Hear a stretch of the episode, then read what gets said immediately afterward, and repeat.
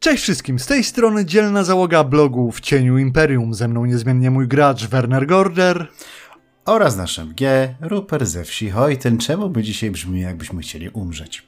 Nie wiem, czemu dzisiaj brzmisz, jakbyśmy chcieli umrzeć, ale prawdopodobnie dlatego, że będziemy rozmawiać o rzeczach związanych blisko z chęcią i życzeniem śmierci, czyli o bankach i o pieniądzach. Ale zanim przejdziemy do tematu, no to przypominamy, że jest nowy miesiąc, a jak ostatnio stało się tradycją, nowy miesiąc to nowy konkurs dla naszych patronów. W tym miesiącu do wygrania seria przygód do czwartej edycji Warhammera od Copernicus Corporation, czyli Ciężkie dnie i niespokojne noce do Warhammera czwartej edycji. Mamy dla Was do rozlosowania i do wygrania dwie kopie tego podręcznika, w którym pomijając tam kilka różnych przygód w formie luźnej kampanii, którą można połączyć i gnomów znajdziecie chyba coś jeszcze. Gry i zabawy, jeśli dobrze pamiętam, tam się znajdują, tak? A o wszystkim tym możecie poczytać w poście na naszym Patronajcie, jak się zgłosić i jak wygrywać, ale w dużym skrócie wystarczy być patronem i powiedzieć, że chce się wygrać i liczyć na to, że jakiś tam Bóg szczęścia lub czegoś innego Wam dopomoże. Więc tyle, link poniżej, jak chcecie szczegółów, sprawdźcie Patronajta, a my wracamy do tematu banków, tak? A tymczasem wracamy do tematu banków i bankowości Starego Świata, który wbrew pozorom jest bardzo ciekawy, przynajmniej moim zdaniem.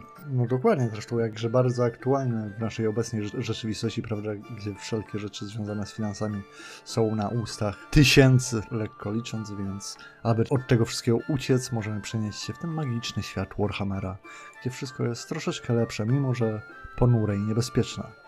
A zatem banki. Trzymamy w Warhammerze banki? Odpowiedź brzmi tak. Mamy i to nawet całkiem dużo. Wbrew pozorom, oczywiście nie wyglądają one tak jak nasze współczesne banki. Już tutaj pomijam to, że nie mają bankomatów ani oddziałów w różnych miejscach, przynajmniej nie w takiej formie, jak nam by się mogło wydawać. Ale tak, są to instytucje potężne i w zasadzie mamy dwa rodzaje takich banków. Pierwszym z rodzajów jest bank, który zajmuje się przechowywaniem pieniędzy. To znaczy, można w danej instytucji finansowej złożyć depozyt, no i Czasami, jeśli ma się szczęście, dostanie się potwierdzenie, że te pieniądze są w danym banku. Co z tym potwierdzeniem można zrobić? No to myślę, że później do tego dojdziemy. Drugą instytucją, która może działać na podobnej zasadzie, ale jej działanie jest dużo szersze, są domy kupieckie, które zajmują się również bankowością. Takich e, domów kupieckich jest bardzo dużo.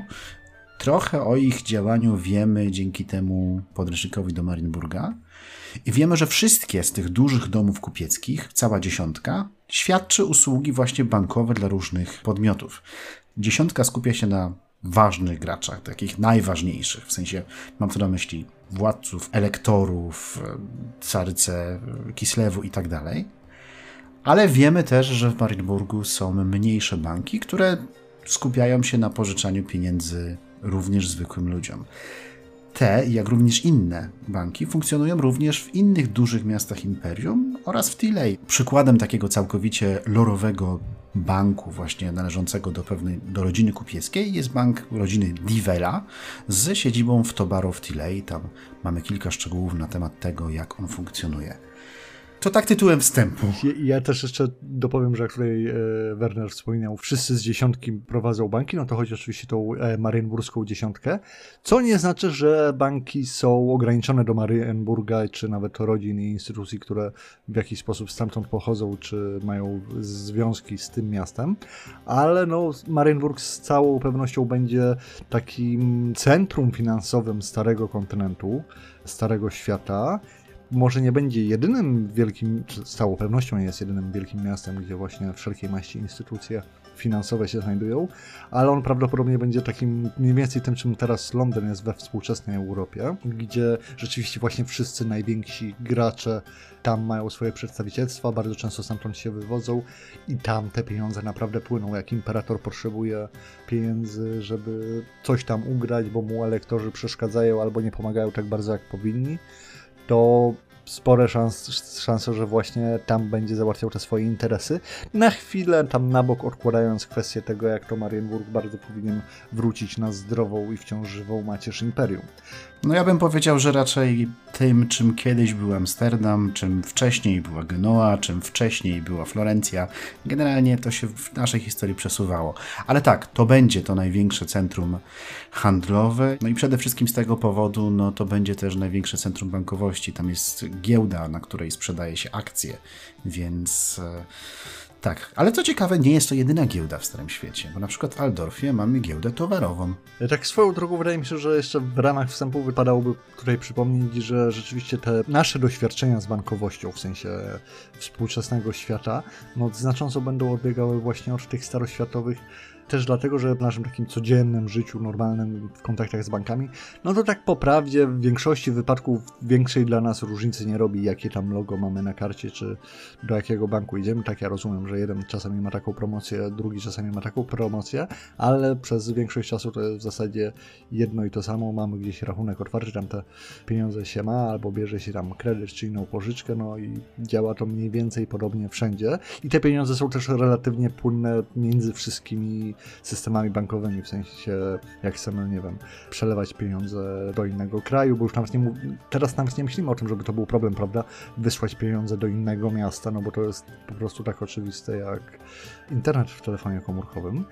Natomiast w realiach Starego Świata, które oczywiście czerpiał z naszej historii, to nie było jeszcze tak wielkiej tej centralizacji banków, prawda? A co za tym idzie, po pierwsze nie każdy mógł, może być klientem banku, a tym już na pewno nie każdego banku, a po drugie fakt, że ma się układy z jakimś bankiem, czy ma się tam rachunek, czy cokolwiek, czy właśnie zgromadzone oszczędności w skarbcu tego banku, to przelewanie tego, przesłanie tych pieniędzy dalej za pomocą jakichś czy to weksli, czy to właśnie listów kredytowych i tak dalej. Oczywiście jak najbardziej jest możliwe i na pewno funkcjonuje, jednak jest tam troszeczkę więcej tych kółeczek po drodze, troszeczkę więcej problemów, z racji tego, że to są jednak różne instytucje działające w różny sposób, które też mają różne swoje systemy. To znaczy, wiesz co, no, my tutaj mówimy banki, ale przede wszystkim właśnie to jest taki, no, wydaje mi się skrót myślowy, no bo dla nas obydwu w tym momencie, no bo wiesz, myślimy o tych bankach jednak we współczesnym tego słowa rozumieniu, natomiast no, to, co było w naszej przeszłości, powiedzmy w renesansie, i właśnie to ma jakieś tam odzwierciedlenie w Warhammerze, no to nie były bezpośrednio banki. Każdy kupiec odpowiednio duży często kredytował swoich e, kontrahentów, którzy później oddawali te pieniądze. Czasami to się rozwijało dalej. Sama nazwa bank, od włoskiej nazwy Lady i tak dalej. To historia bankowości, wiadomo. Natomiast to, co wspominałeś, weksel, listy kredytowe, one nie są pewnie używane w świecie Warhammera, w Starym Świecie one są używane w Starym Świecie, ponieważ mamy to w lore. Tak, tylko bardziej chodziło mi o to, że wiesz, jak jedziesz powiedzmy właśnie z jakimś listem kredytowym, załóżmy z nul do, nawet dajmy do tego Marienburga, chociaż z Marienburgiem było prościej, ale powiedzmy, że pojedziesz z nul, nie wiem, do Zalzemundu, mhm. się rozwija i chcesz kręcić interes, to niby wszystko jest ok, ale mogą się pojawiać problemy, tak, bo mieć, e, wymagać innych potwierdzeń i tak dalej, więc jakby udowodnienie i udokumentowanie tego może być problematyczne, jak najbardziej jest możliwe, bo po to de facto te banki powstawały, tak samo w naszej historii, prawda, żeby ułatwić transakcje finansowe, ludziom, którzy pochodzili z różnych miejsc, e, posługiwali się różnymi pieniędzmi, posługiwali się nimi w różnych też innych lokacjach, więc chodziło o to właśnie, żeby to ułatwiać, między innymi pomagać. Niemniej jednak właśnie trzeba pamiętać tak pod sesję, pod zahaczki, że z racji tego, że sam fakt potwierdzenia tożsamości w realiach Starego Świata jest dużo trudniejszy i bardzo często działa na tej zasadzie, że mamy jakiś skrawek papieru, który twierdzi, że okaziciel tego skrawka jest tym, za kogo się podaje i ten skrawek jest podpisany powiedzmy przez trzy ważne osoby z jakiegoś miasta, no ale na ile to jest prawdziwe, na ile nie, to druga kwestia. Zresztą też historia zna przypadki, to też fajna podkładka pod sesję, gdzie nie wiem, ktoś się może pojawić w jakimś mieście i z racji, że ktoś inny ważny twierdzi, że ten ktoś jest, dajmy na to, markizem i że on robi interesy z bankiem, nie wiem, Vivaldi właśnie spod Nuln, to wiesz, wiele osób może tak to odbierać, a ostatecznie może się okazać, że tego potwierdzenia nie ma, bo zarówno kwestia braku dokumentów tożsamości, jak różnych, nie chcę mówić może tradycji, ale sposobów właśnie zarówno prowadzenia księgowości, jak i wydawania różnych kwitów potwierdzających różne rzeczy wymaga jakby dodatkowej ekspertyzy, no i jest tam dużo miejsca na to, żeby się wkradły przypadkowe błędy, albo żeby co bardziej przedsiębiorczy nie tylko ludzie, mogli w jakiś sposób ten niedoskonały system wykorzystać ku swojej korzyści. Wiesz, historycznym sposobem na takie potwierdzanie tożsamości osoby, która wystawiła dany papier, było to, że te domy kupieckie, które zajmowały się bankowością, kiedy ustanawiały oddziały w różnych miastach Europy, to po prostu wysyłały członków swojej rodziny do konkretnych miast. I te osoby miały za zadanie weryfikować podpisy swoich krewnych, z którymi się wychowywali i których znali od dziecka, więc wiedzieli, jaki mają, jaki mają charakter pisma. To był jeden z takich podstawowych, pierwszych sposobów weryfikacji tego, czy to pismo przywiezione przez daną osobę, powiedzmy z Florencji do, z Florencji do Avignonu na przykład, czy ten list kredytowy został faktycznie wystawiony przez brata osoby, która jest przedstawicielem tego florenckiego banku w tym Avignonie. No, natomiast e, wiesz, to prowadzi nas do kilku słów na temat tego, jak duże mogą być te domy kupieckie w Warhammerze. Ja bym tutaj wziął na tapet, dajmy na to, dom Van de Kuipers z Marienburga. Jan van de Kuipers ma być najbogatszą osobą w Starym Świecie i ten dom ma mieć największe wpływy i największe kontakty w różnych miejscach. Wiemy na przykład, że ten dom utrzymuje swoją spółkę ze wspólnikami w Aldorfie. Richtenfeld Kuipers Exotic Import się to nazywa. Tam jest utrzymywana faktoria, tam są agenci tej spółki, którzy bardzo często właśnie pojawiają się na wspomnianej przeze mnie wcześniej aldorskiej giełdzie towarowej, żeby udzielić kredytu aldorskim kupcom, którym zabrakło w tym momencie pieniędzy, oczywiście na wysoki procent.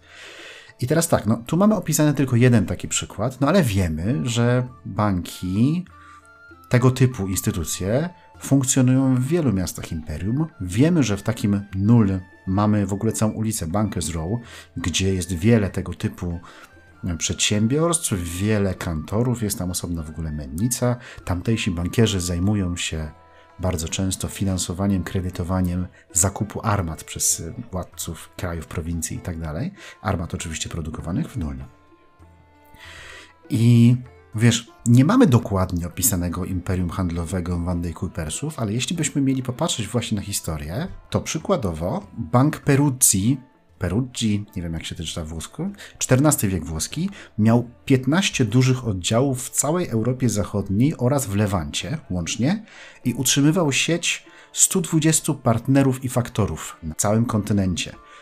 To była ogromna sieć, bardzo wielu pracowników, którzy wszyscy przede wszystkim wymieniali się informacjami, bo informacje dla kupca są bardzo, ale to bardzo ważne. Jeśli masz duży duży zasięg, to możesz wykorzystać informacje z całego tego regionu, swo swojej własnej sieci, do tego, żeby zarobić jeszcze więcej pieniędzy. Więc to jest takie trochę samo napędzające się. Im jest większa dana instytucja, tym łatwiej jest przewidywać to, że nie wiem, latem z Wenecji wypływają statki do Lewantu, w związku z czym w Wenecji będzie brakowało pieniędzy, w związku z czym można podciągnąć wcześniej wiosną do Wenecji pieniądze, żeby tam na odpowiedni kredyt te pieniądze pożyczyć i ściągnąć je za powiedzmy rok. No więc myślę, że tutaj w Warhammerze mogłoby to funkcjonować podobnie. No tak, ja bym tutaj zresztą dodał, że ta moneta też ma dwie strony medalu, bo mo moim zdaniem fajnym pomysłem na przykład na przygodę czy na kwestię backgroundu bohatera no to możemy mieć gracza, który albo Ben, albo to już mniejsza o to, gra, dajmy na to szlachcicem czy jakimś kupcem, no ale tak po prawdzie to jest tam ósmym pociotkiem po siódmym kuzynie właśnie kogoś bardzo, bardzo, bardzo majętnego z bardzo, bardzo znanej rodziny, która zajmuje się bankowością, no ale jesteś bardzo, bardzo nisko też w tej drabince. No i wyrzucają cię do jakiegoś, nie wiem, Wurzen w Ostlandzie, gdzie de facto masz dbać właśnie o ich interesy, znajdywać i przekazywać informacje.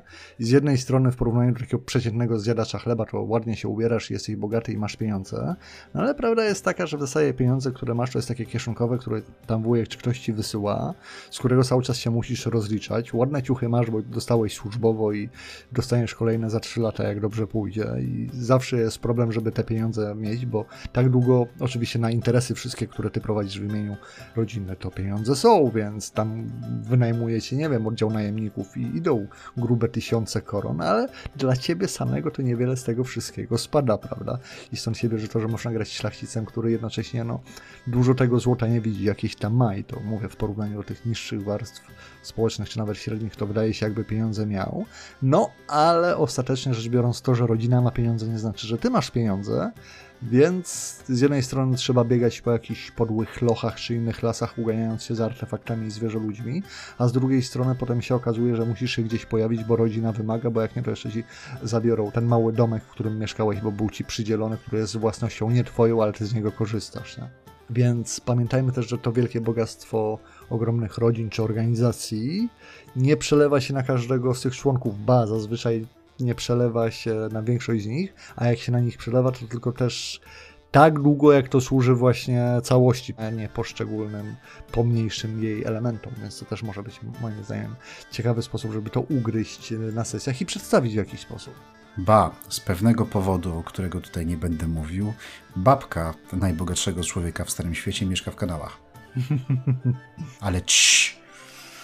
No, w każdym razie tak, wydaje mi się, że na podstawie tego, co udało się zebrać z podręczników, to ta bankowość w tym świecie jest naprawdę wysoko rozwinięta. Wiesz, jeżeli mamy weksle, które możemy indosować i wiesz, w ten sposób w rzeczywistości tak naprawdę no, kreować swoje własne pieniądze. Oczywiście nie będą tego robić chłopi, bo nikt takiego, wiesz, chłopskiego weksla nie przyjmie, ale kupcy jak najbardziej.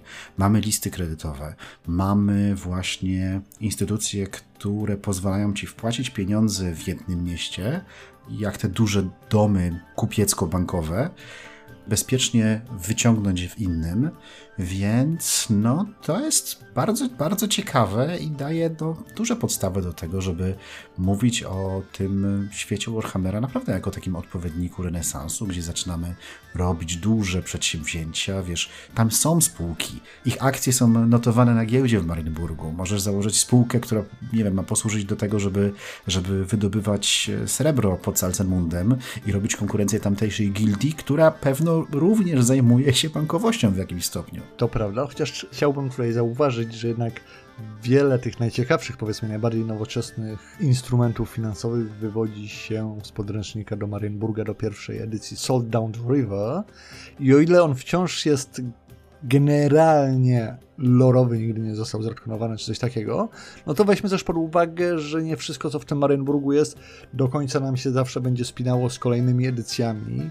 Bo... Ale weksle, weksle i listy kredytowe są z drugiej, to prawda. Aldorska giełda towarowa jest z czwartej. Jak najbardziej, to znaczy Marienburg też przedstawia nam na przykład karty kredytowe, które są nowym produktem, których się używa w Marienburgu, które są takimi złotymi kartami, ręcznie grawerowanymi i tam odpowiedni kupiec, który ją uzyska właśnie zamiast płacić, przekazuje tą złotą kartę, ona jest odbijana w wosku i potem e, ten, któremu zapłacono w ten sposób idzie z, te, z tą odbitą pieczęcią w wosku do wystawcy karty, podczas gdy sam kupiec sam się również e, rozlicza z wystawcą karty, nie musi całej należności regulować w całości, tylko może sobie to oczywiście rozbić i tam są na pewno jakieś opłaty, tabela opłat i prowizji i tak dalej. Ale to też... No tak, ale to jest, wiesz, działania z dziesiątką. Dziesiątka ma, wiesz, tak, ale to też trzeba tutaj przyznać, że tak jak technologicznie Warhammer ma te miejsca, gdzie widzimy żyrokoptery, steamtanki i tak dalej, tak jak najbardziej e, ma miejsca, gdzie właśnie możemy wrzucać nasze, znane nam z naszego świata pomysły ekonomiczne czy bankowe, jako często też jako takie nowum, prawda, które właśnie przypłynęło z Marienburga i nagle, tak jak u Pratchetta, pojawia się ktoś, kto sprzedaje ubezpieczenia i nikt nie rozumie, jak to można sprzedawać ubezpieczenia, bo gdzie w tym jest sens, no ale okazuje okazuje się, że jest. Ja ci powiem, kto będzie sprzedawał te ubezpieczenia. Agent rodziny Foger z Marienburga. Do, do, dokładnie. jak tymczasowo będzie bywał na wakacjach. No i to są też e, fajne sposoby na wplecenie czegoś innego do naszych sesji, bo wydaje mi się, że o ile kwestia e, pieniędzy i tego, co się udało zrabować, jest znana i kochana przez wszystkich graczy RPGów już od dziesiątków lat, o tyle mniej się zastanawiamy właśnie nad takimi rzeczami związanymi z większymi sumami, A trzeba przyznać, że czwarta edycja też nam wychodzi tutaj naprzeciw, bo w tych zadaniach pomiędzy przygodami rzeczywiście jest opcja składania pieniędzy w banku, tam mamy szansę na procenty, jest oczywiście ryzyko utraty kapitału, to jest tam rozpisane w dwóch akapitach, więc z założenia tego dużo nie ma, ale jak najbardziej sami mamy na czym e, budować i z czego korzystać. Zwłaszcza jeżeli już mamy taką drużynę, która ma trochę tych pieniędzy, już troszeczkę się dorobiła na tych swoich karierach w podróżach i przygodach. Kto wie, może odziedziczył ktoś spadek na 10 tysięcy złotych koron po kimś w Bogenhafen, bo tak też mogło się wydarzyć. Dokładnie, a mamy jeszcze do tego przykład w Aldorfie, w tym podręczniku nowym Waldorfu, alternatywnych sposobów inwestowania i to też rozpisane właśnie na mechanikę czwartoedycyjną. Gracze mogą zainwestować bodajże w show biznes, i tak dalej. Tam jest tabelka, jak może coś z tego wyjść lub nie wyjść. Natomiast ja chciałem tutaj zaznaczyć takie dwie rzeczy. Pierwsza rzecz, mi się bardzo podoba ten motyw, że ta bankowość nie musi być ograniczona do ludzi naprawdę bardzo bogatych, poziomu książąt, elektorów, Karla Franca i tak dalej. Tak, oczywiście są domy kupiecko-bankowe, które właśnie tym się zajmują, ale wiemy też, że są mniejsze instytucje właśnie dostępne dla naszych graczy, taka prawda. Więc jeżeli nasi gracze mają jakiś pomysł, potrafią się dobrze przedstawić, ubrać się odpowiednio, bo wiesz, to jednak są czasy, w których to, jak ktoś wygląda, jaką reputację, bardzo dużo może pomóc, prawda? Stąd tak Więc... ważne trappings wypisywane przy karierach. Tak jest. Ja na przykład uważam, że świetnym pomysłem na kilka sesji mogłoby być odgrywanie tego, w jaki sposób gracze namawiają albo przekonują bankiera, że są godni zaufania, żeby dać im pożyczkę, żeby zainwestować w ich przedsięwzięcie, albo że w ogóle zbierają kapitał, dajmy na to, akurat są w Marienburgu, chcą założyć spółkę, zbierają kapitał na giełdzie, więc też muszą mieć odpowiednią pozycję, odpowiednio się prezentować, żeby gwarantować, że współudziałowcy będą mieli z tego w przyszłości zysk. To może być świetny materiał w ogóle na sesję. Jak najbardziej. Zresztą też weźmy pod uwagę, że na pewnym poziomie gracze tak naprawdę mogą musieć potrzebować czegoś więcej, żeby w ogóle, wiesz, wpłacić pieniądze do banku, bo o ile powiedzmy, nie wiem, na czwartej edycji 500 złotych koron to jest już trochę pieniędzy tam dla drużyny poszukiwaczy przygód, o tyle z perspektywy lokalnego domu handlowego to może nie być wystarczająco dużo, żeby się z takimi ludźmi angażować w jakieś kontrakty i podobne rzeczy. Więc to też taka dla nas troszeczkę nie do pomyślenia rzecz z, z dzisiejszej perspektywy, że ktoś w sensie instytucji może nie chcieć przyjąć twoich pieniędzy, bo wychodzi, że to jest więcej zachodu niż jest to wszystko warte. A tak swoją drogą, a propos właśnie składania depozytów, pomyślałam, że też fajnym pomysłem na sesję może być to, że jak e, nasi gracze już trochę tych pieniędzy uzbierają, wpłacają to wszystko do banku, a potem nagle jest smutna wiadomość, że no niestety bank wysyłał transport do swojego głównego oddziału, czy coś takiego, no ale niestety ta karawana zaginęła, jeszcze nie wiemy z jakiego powodu, Państwo sami rozumiecie jak jest, no tutaj w kontrakcie mamy zapisane, że nieprzewidziane sytuacje, prawda, i wtedy mamy graczy na, wiesz, możemy mieć graczy już na naprawdę wysokich profesjach, którzy niby powinni się zajmować innymi rzeczami, już nie dla nich pałętanie się po gościńcach, ale no jak im nagle brakuje kilku tysięcy złotych koron i bank rozkłada ręce i mówi, no nic się nie dało zrobić, my tam oczywiście powiadomimy służby i teraz zbieramy fundusze, żeby kogoś wysłać, ale to może potrwać, nie wiadomo, czy do tego czasu jeszcze będzie coś do znalezienia, no to ciężko lepszą motywację dla bohaterów niż odzyskanie własnych pieniędzy, prawda? Tak. Ewentualnie właśnie mi przyszło do głowy, że to, co powiedziałem wcześniej, można by odwrócić.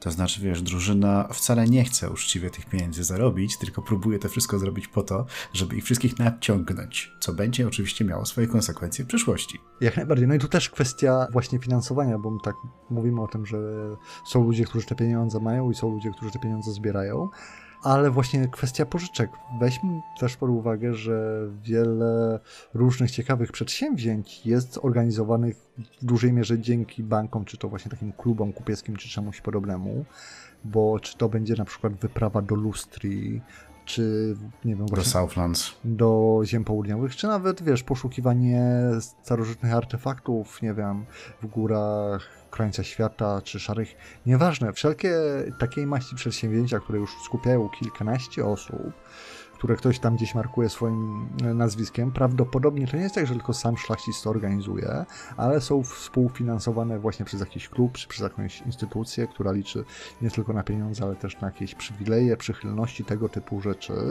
I to są takie informacje, które mogą się przewijać jako ciekawe flaworki zarówno w sesji, jak i mogą nam, nam a w zasadzie naszym graczom dawać dodatkowe informacje, tło i motywy, bo nagle może się okazać, że nie wiem, to poszukiwanie zaginionej świątyni Sigmara tak naprawdę jest finansowane przez jakiś tileański bank, o którym krążą różne, no, niepozytywne opinie właścicieli generalnie rzadko się widuje, tym rzadziej za dnia i nie bardzo wiadomo, kto chce, żeby ta wyprawa się udała, a kto nie chce.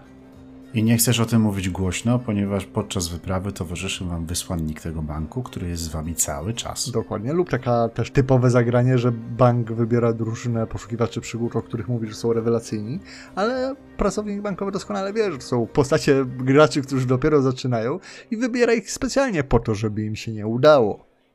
No ale to już trochę inne tematy niż sama bankowość. Natomiast nie, bardzo mi się podoba to, że tu jest tak naprawdę bardzo dużo tego, że tych możliwości jest wiele, że mamy te weksle, mamy te listy kredytowe, że możemy wokół tego prowadzić bardzo wiele przygód, no bo Raz, że komunikacja pomiędzy różnymi oddziałami danego domu handlowego jest istotna, więc muszą być jacyś kurierzy, którzy te wszystkie listy pomiędzy poszczególnymi oddziałami przewożą.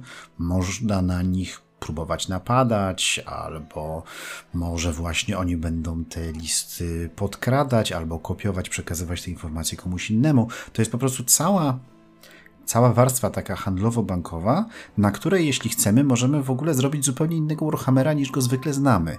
Możemy go osadzić w takiej protokapitalistycznej rzeczywistości, w której właśnie te domy kupieckie konkurują ze sobą. Jest tam dużo szpiegostwa i wbijania sobie sztyletów pod żebra, a jednocześnie są duże pieniądze i ryzyko i niektóre rzeczy nie zależą od nich, no bo była burza i ten statek po prostu zatonął. I co teraz? Dokładnie. Zresztą ja bym tutaj jeszcze tak dołożył, bo sporo powiedzieliśmy o Marienburgu, ale to nie jest tak, że wszystko co jest tylko tam, bo z samej Bretonii jest bardzo znany tak zwany klub Braterstwo Latarni, co jest największym i najbogatszym klubem właśnie takim kupieckim, skupiających chyba pięć najbogatszych e, rodzin w Bretonii plus jeszcze dodatkowe, więc tam też na pewno interesy krążą tym bardziej, że Bretonia, pomijając właśnie tych swoich dzielnych rycerzy, to jednak jest potęgą morską, więc tego handlu musi sporo prowadzić. No oprócz tego wybrzeża też ma w cholerę i to takiego dostępnego, prawda, z którego można pływać, handlować i tak dalej. W Erengardzie bankowością rządzi Gildia Złotników, więc e, tak, czasami banki nie muszą się nazywać bankami, czasami mogą występować pod innymi mianami i założę się, że w Zelzenmundzie będzie podobnie. Tam akurat e, bardzo mocna jest gildia właśnie związana ze srebrem. W Talabheim banki są w dzielnicy prawa. W Midenheim są kupcy, którzy też zapewne się tym zajmują, choć nie mamy tego powiedziane wprost. To w każdym z tych dużych miast ktoś się będzie tym zajmował. Czy to będzie miejscowy, czy to będzie jakaś oddział jakiegoś wielkiego domu kupieckiego z innego miejsca, ale ktoś tam po prostu będzie się tym zajmował. Wiesz, jak przygotowałem się do tego odcinka, to właśnie czytałem o Florencji w XV wieku i tam 10% tych wszystkich dużych, y, bo akurat tak się składa, że zachowały się dokumenty podatkowe z 1427 roku. To są dokumenty podatkowe dla tych dużych przedsiębiorstw, nie dla zwykłego sklepikarza, który tam sprzedawał, nie wiem, chleb, czy jakiegoś piekarza, czy szewca, tylko dla takich dużych przedsiębiorstw. To w tamtym roku, tam na 500 zewidencjonowanych, ponad 50 to były banki. Więc tego było całkiem sporo w tamtych czasach. Jak najbardziej. Właśnie tak bym też dołożył, że o ile lorowych informacji na, e, a propos samej Tilei nie jest wiele, ale to głównie wynika z tego, że nigdy się nie dorobiliśmy porządnego podręcznika do Tilei. Chociaż kto wie, czym nas Cubicle 7 jeszcze zaskoczy, no ale tak jak Warhammer zawsze kradł e, z naszej historii, no to tak możemy... E, My kraść Tak, dokładnie. Sami. To, to jest pewnik, że jak chcecie coś z bankowością, no to Tilea jest wspaniałym miejscem, żeby stamtąd czerpać pomysły, tam upychać tych BN-ów czy organizacji i tak dalej, bo tego tam na pewno jest w cholerę. A jeszcze biorąc pod uwagę właśnie te wszystkie tilańskie stereotypy o vendetach, zdradach, tradycjach rodzinnych, nienawiściach i baśniach, które potrafią trwać przez pokolenia, to musi być tego mnóstwo. Tak swoją drogą chciałem jeszcze dołożyć rzecz, jeżeli mamy graczy na dużo tych niższych poziomach, tych, takich, prawda, co operują miedzią i ewentualnie czasem srebrem, to pamiętajmy, że dla nich funkcje banku, a przynajmniej dla części z nich, tych, co w jakiś sposób legalnie pracują, po części mogą pełnić cechy, zwłaszcza w mniejszych miastach, gdzie cech, czy to nie wiem, młynarzy, kowali, nieważne, zwykle już z racji, że skupia rzemieślników, jakimiś pieniędzmi dysponuje i może chcieć je w jakiś sposób e, zagospodarować, że wiadomo, ku swojemu zyskowi takiemu czy innemu, czy to bezpośrednio finansowemu, czy też jakiemuś innemu. Więc jeżeli na przykład mamy mniejsze miasto, które nie będzie miało dużych instytucji bankowych i nie jest centrum handlu, to ja, wiesz, widzę podstawy do tego, że trzeba do, dogadać się z cechem piekarzy, szczurołapów, rzeźników i strażaków, żeby móc sfinansować to czy tamto i wiesz, cały problem może polegać na tym, żeby ich wszystkich ze sobą zgadać, no bo wiadomo, że piekarze z rzeźnikami się nie lubią, bo jedni drugim e, podbierają klientelę i w ogóle to jest nieuczciwe, że był pomór świnia, tutaj zbiory się nie udały. Cech strażacki, no to wiadomo, że nie bardzo chce się wywiązywać ze swoich e, zadań zawsze, bo tutaj płoną magazyny, a oni jakoś byli zajęci. Więc to też nie jest tak, że zawsze musimy iść w samą górę tej drabiny społecznej, żeby próbować gdzieś wciskać różne pomysły związane z ekonomią i sprawami finansowymi. Zresztą w ogóle mamy całkowicie lorowe przykłady na to, że jest wiele osób, które zajmują się pożyczaniem pieniędzy, a nie do końca pasują do danej społeczności, bo na przykład y, jedyny taki wymieniony wprost z tych mniejszych, powiedzmy, banków w Marynburgu to jest bank Lengfu kitajskiej rodziny, która tam e, w dzielnicy kitajskiej urzęduje razem z innymi miejscowymi, którzy pożyczają pieniądze na procent, takie generalnie zajmują się bankowością. W Batlu mamy przykład ludzi pożyczających pieniądze, którzy są z Arabii czy z właśnie Estalii, jeśli dobrze pamiętam, więc to też jest ciekawy sposób na to, żeby wprowadzić kogoś, kto właśnie przybył do imperium czy do innego miejsca, nie jest stąd, a chce tutaj zrobić karierę, fortunę, właśnie jako może wysłannik innego domu kupiecko-bankowego. Tak, no, po prostu. Ale też nie zapominajmy o tym, że nie samymi ludźmi Stary Świat żyje. Jest ciekawy wpis w księdze Karak Asgal do drugiej edycji a propos Krasnoluda, który właśnie otworzył e, bank. Tam generalnie się też dzieją dziwne inne rzeczy, o których tutaj nie będę mówił, bo to nie jest na to miejsce, ale jest to, że właśnie procenty, odsetki są liczone 5% dla krasnoludów, 7% e, dla ludzi niziołków oraz 12% dla elfów, oczywiście odsetki od pożyczek żeby nie było wątpliwości. I tak swoją drogą muszę przyznać, że mi się wydaje, że krasnoludy to powinny być idealne do spraw, wiesz, bankowych, księgowości i rachunków, no bo to ulubionym zajęciem każdego krasnoluda, pomijając złoto, piwo i złoto, jest zapisywanie sobie, prawda, tego, co co jest ktoś, komu winny. Tak, do, dokładnie.